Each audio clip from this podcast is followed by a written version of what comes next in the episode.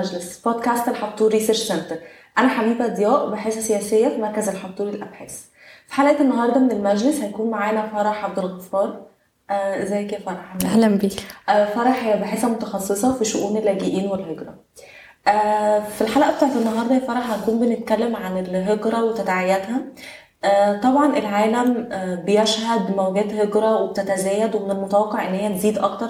طبعا نتيجة للصراعات بالذات في منطقة الشرق الأوسط.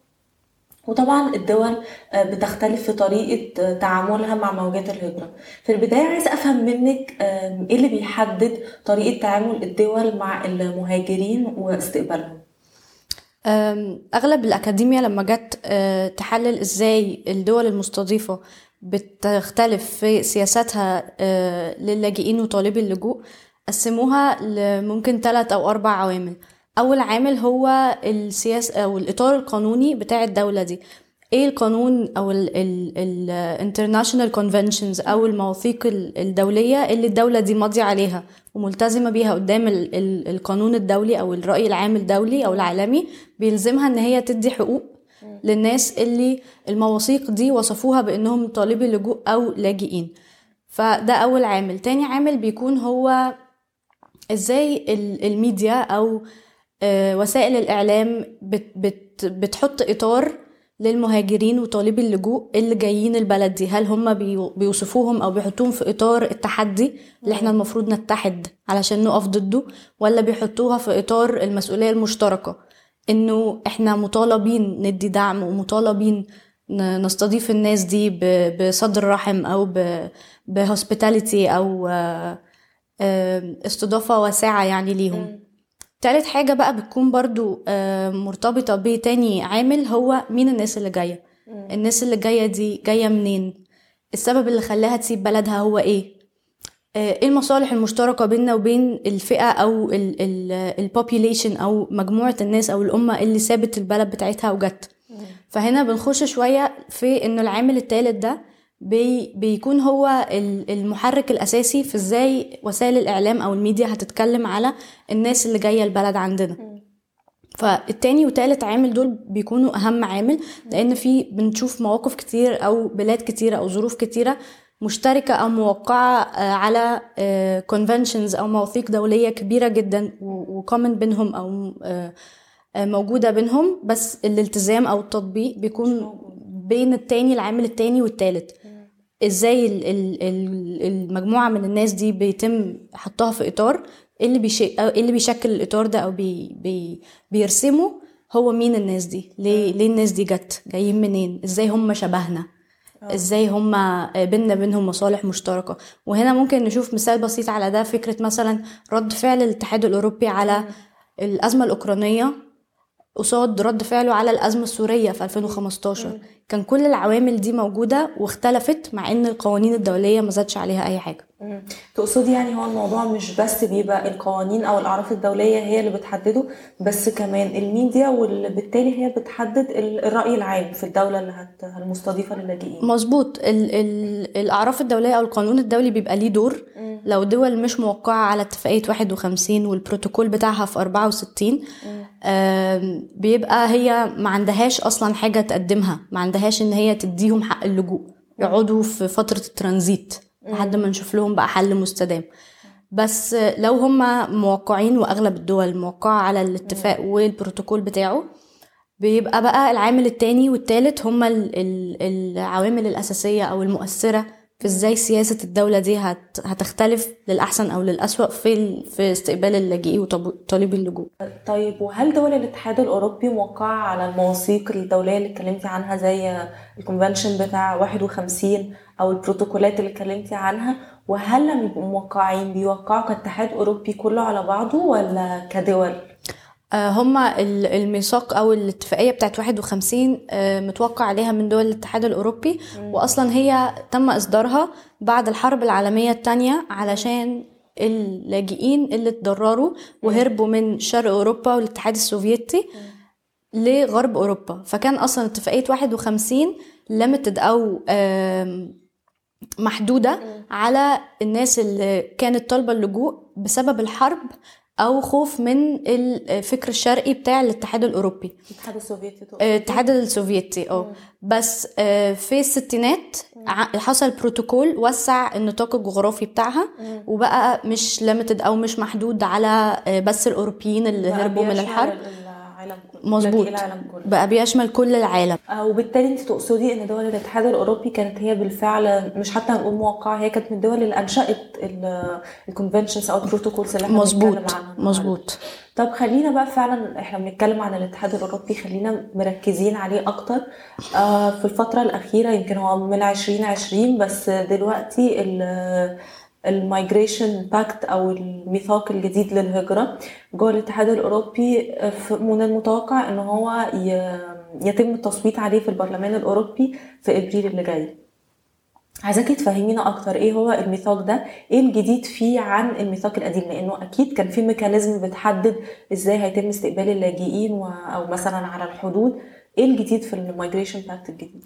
آه، تمام. هو الاتحاد الأوروبي عنده ال European common asylum policy أو السياسة الموحدة للجوء في الاتحاد الأوروبي أو السياسة الأوروبية للجوء وهي دي موجودة من آه، تعتبر بدأ الكلام فيها من التسعينات وفضلت تعدي بمراحل كتيرة جدا. كل مرحلة بتحلل الوضع وتشوف إيه ال gaps أو ال- المشاكل اللي ناقصة علشان نزود بروتوكولات أو نزود فيها آه، آليات تكون effective أكتر أو فعالة أكتر. أو بتهيألي برضو الأنظمة السياسية اللي حاكمة يعني بتحدد. ده يعني زي ما إحنا دلوقتي هنتكلم شايفين زيادة في في الفار رايت أو في ال- اليمين المتطرف. المتطرف. ده برضو أكيد بيحدد شكل الاستقبال المهاجرين. ده ده بيحدد شكل استقبال المهاجرين طبعا وده كان جزء من العوامل اللي اتكلمت فيها فكرة ال- الميديا وإزاي آه. الإطار بتاعهم بيتم تشكيله. بس لو هنتكلم على ال pact بتاعه ال- الهجرة أو المي- الميثاق بتاع الهجرة بتاع 2020 هو كان هدف منه إنه يكسر ال- الجمود السياسي اللي كان موجود في الاتحاد الأوروبي تجاه سياسات الهجرة بتاعته. لأنه قعدنا فترة طويلة قوي إحنا بنتعامل بال Dublin regulation أو بال الاتفاقيه بتاعة دبلن اللي هي بتتكلم على فكرة إنه أول بلد اللاجئ دخل طلب فيها لجوء واتاخد منه البايومتريكس بتاعته زي بصمة إيده وبصمة عينه هيفضل فيها وملوش حق إن هو يروح بلد تانية. فده كان عامل عائق أو أو أو حمل كبير قوي على البلاد اللي في الحدود. آه. لأن أغلب اللاجئين أصلا بيبقوا عا- عايزين يوصلوا لألمانيا إن هي تعتبر من الدول المنفتحة شوية في السياسات ال- اللجوء وطلب الجنسية والإقامات وتصاريح العمل. وبالتالي فيها فرص أكتر من دول الحدود زي مثلا اليونان أو إيطاليا أو هي كانت آه، يعني معادلة من ناحيتين عاملة مشاكل. من ناحية البلاد البلاد بتاعة الحدود تعتبر من البلاد المستوى الاقتصادي مش أعلى حاجة في في الاتحاد الأوروبي. وفي نفس الوقت اللاجئين ما بتبقاش دي الوجهة الأخيرة بتاعتهم. هم بيبقوا عايزين يخشوا أكتر لألمانيا. وفي ناس بتحب تبقى عايزة توصل لأوروبا بس الأغلب بيبقوا عايزين يروحوا ألمانيا زي ما قلت لك هي من البلاد اللي آه، بتدي تس- تسهيلات و access لخدمات أكتر من باقي دول الاتحاد الأوروبي. فدي كانت gap أو كانت مشكلة بتواجه ال- الحكومات إنه ما كانش فيه آه، سياسة أوروبية موحدة عادلة آه. للدول لل... للدول بتشكل الاتحاد الأوروبي. فده قعد معانا فترة طويلة لحد 2020 وبعدين جت ال pact of migration أو ميثاق الهجرة بتاع 2020 في سبتمبر. لسه مدخلش حيز التنفيذ. آه، بس هو الجديد فيه إنه هو بدأ يحط شوية آه، قيود على دخول ال- اللاجئين وطالب اللجوء. فإحنا عندنا مثلا حاجة زي ال screening process أو التقييم ال- المبدئي للاجئين.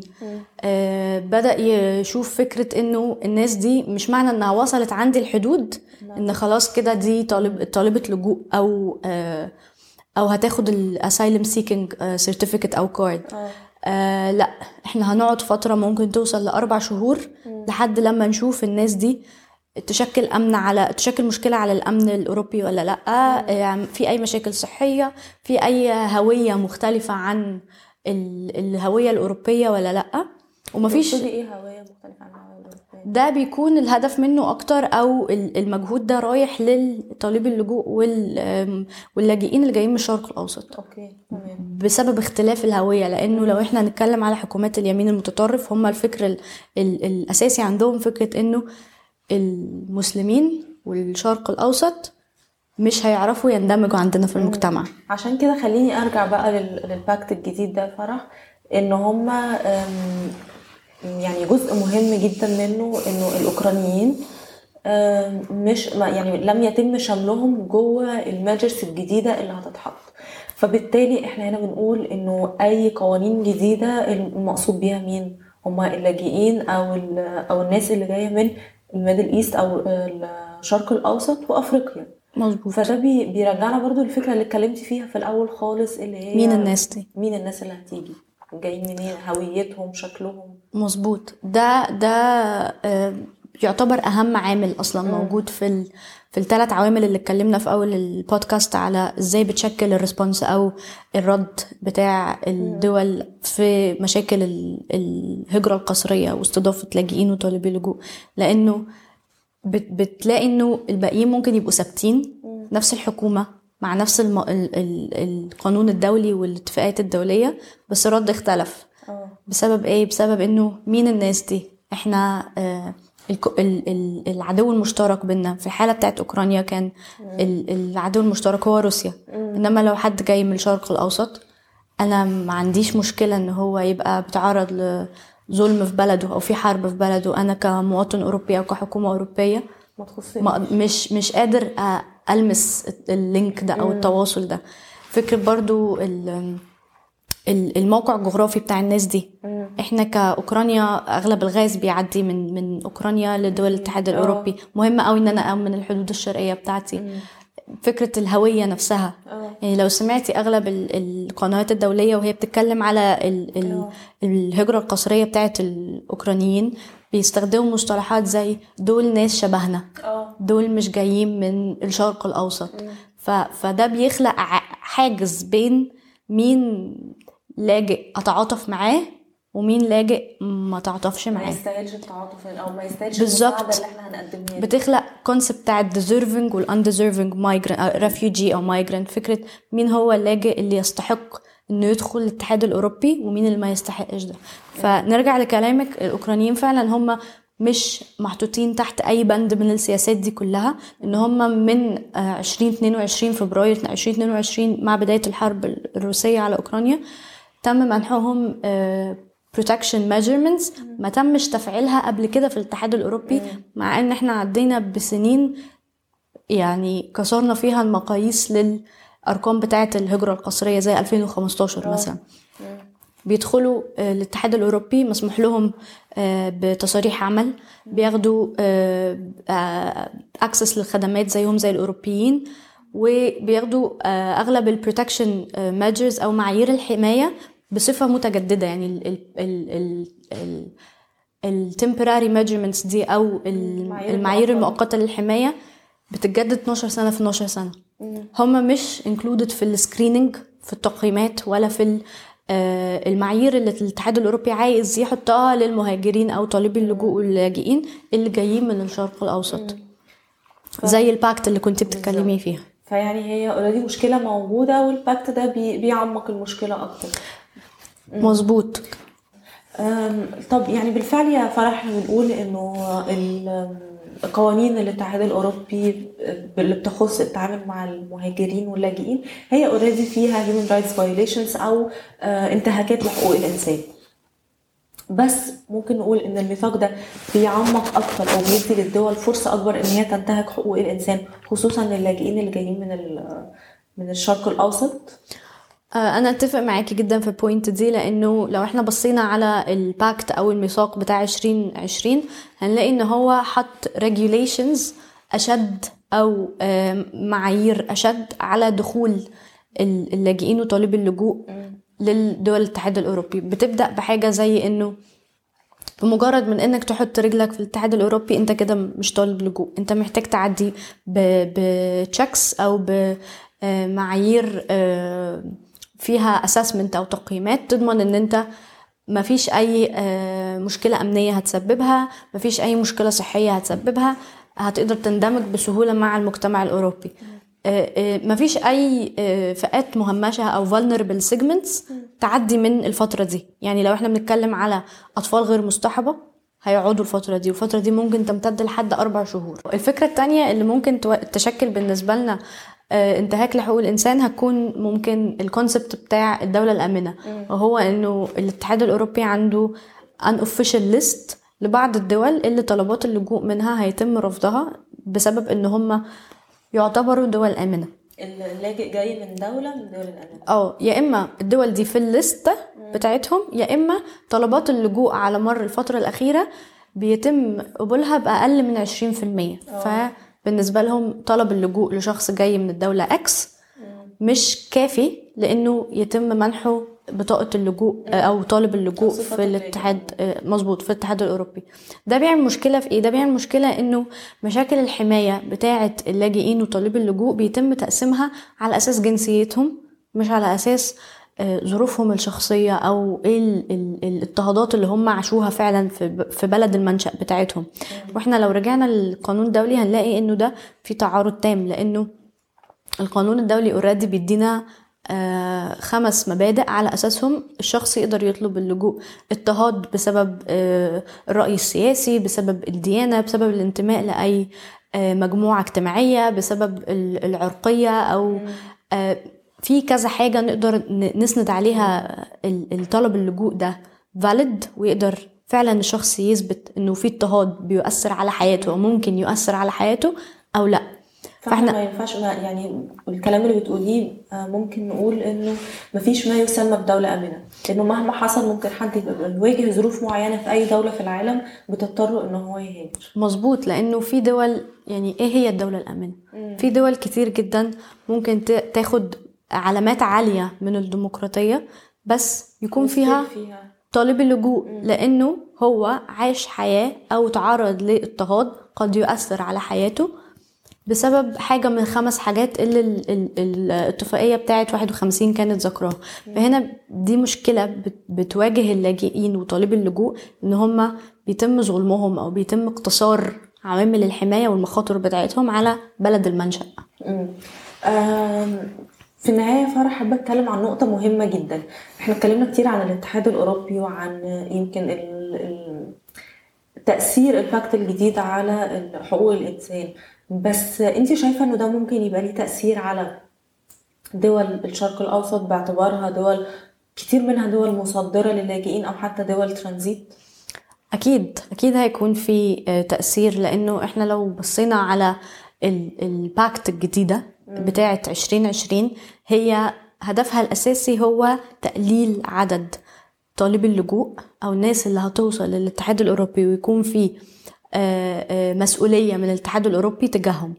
فالناس دي هتروح فين؟ الناس دي يا إما هترجع يا إما آه، ب- بإرادتها يعني يا إما هيتم ترحيلها وهنا هيكون في تأثير مباشر على دول ال- الشرق الأوسط وشمال أفريقيا في حتة إنه هيكون في استقبال أعلى من ال- المساعدات المباشرة أو ال- المساعدات الإنسانية علشان نضمن إنه الناس اللي عايشة أو الناس اللي هترجع أو موجودة وإحنا مش عايزينها تاخد الطريق آه، من خلال البحر المتوسط عايشة في ظروف كويسة. وده اللي ال EUTF بيبقى آه، الهدف الأساسي بتاعه اللي هو أضمن كاش فلو أو أضمن آم، تدفق للأموال. تدفق لل- للمساعدات ال- الإنسانية سواء من خلال مشاريع أو من خلال آه، عملة صعبة للبلد علشان أمنع وصول الناس دي لل ال- ال-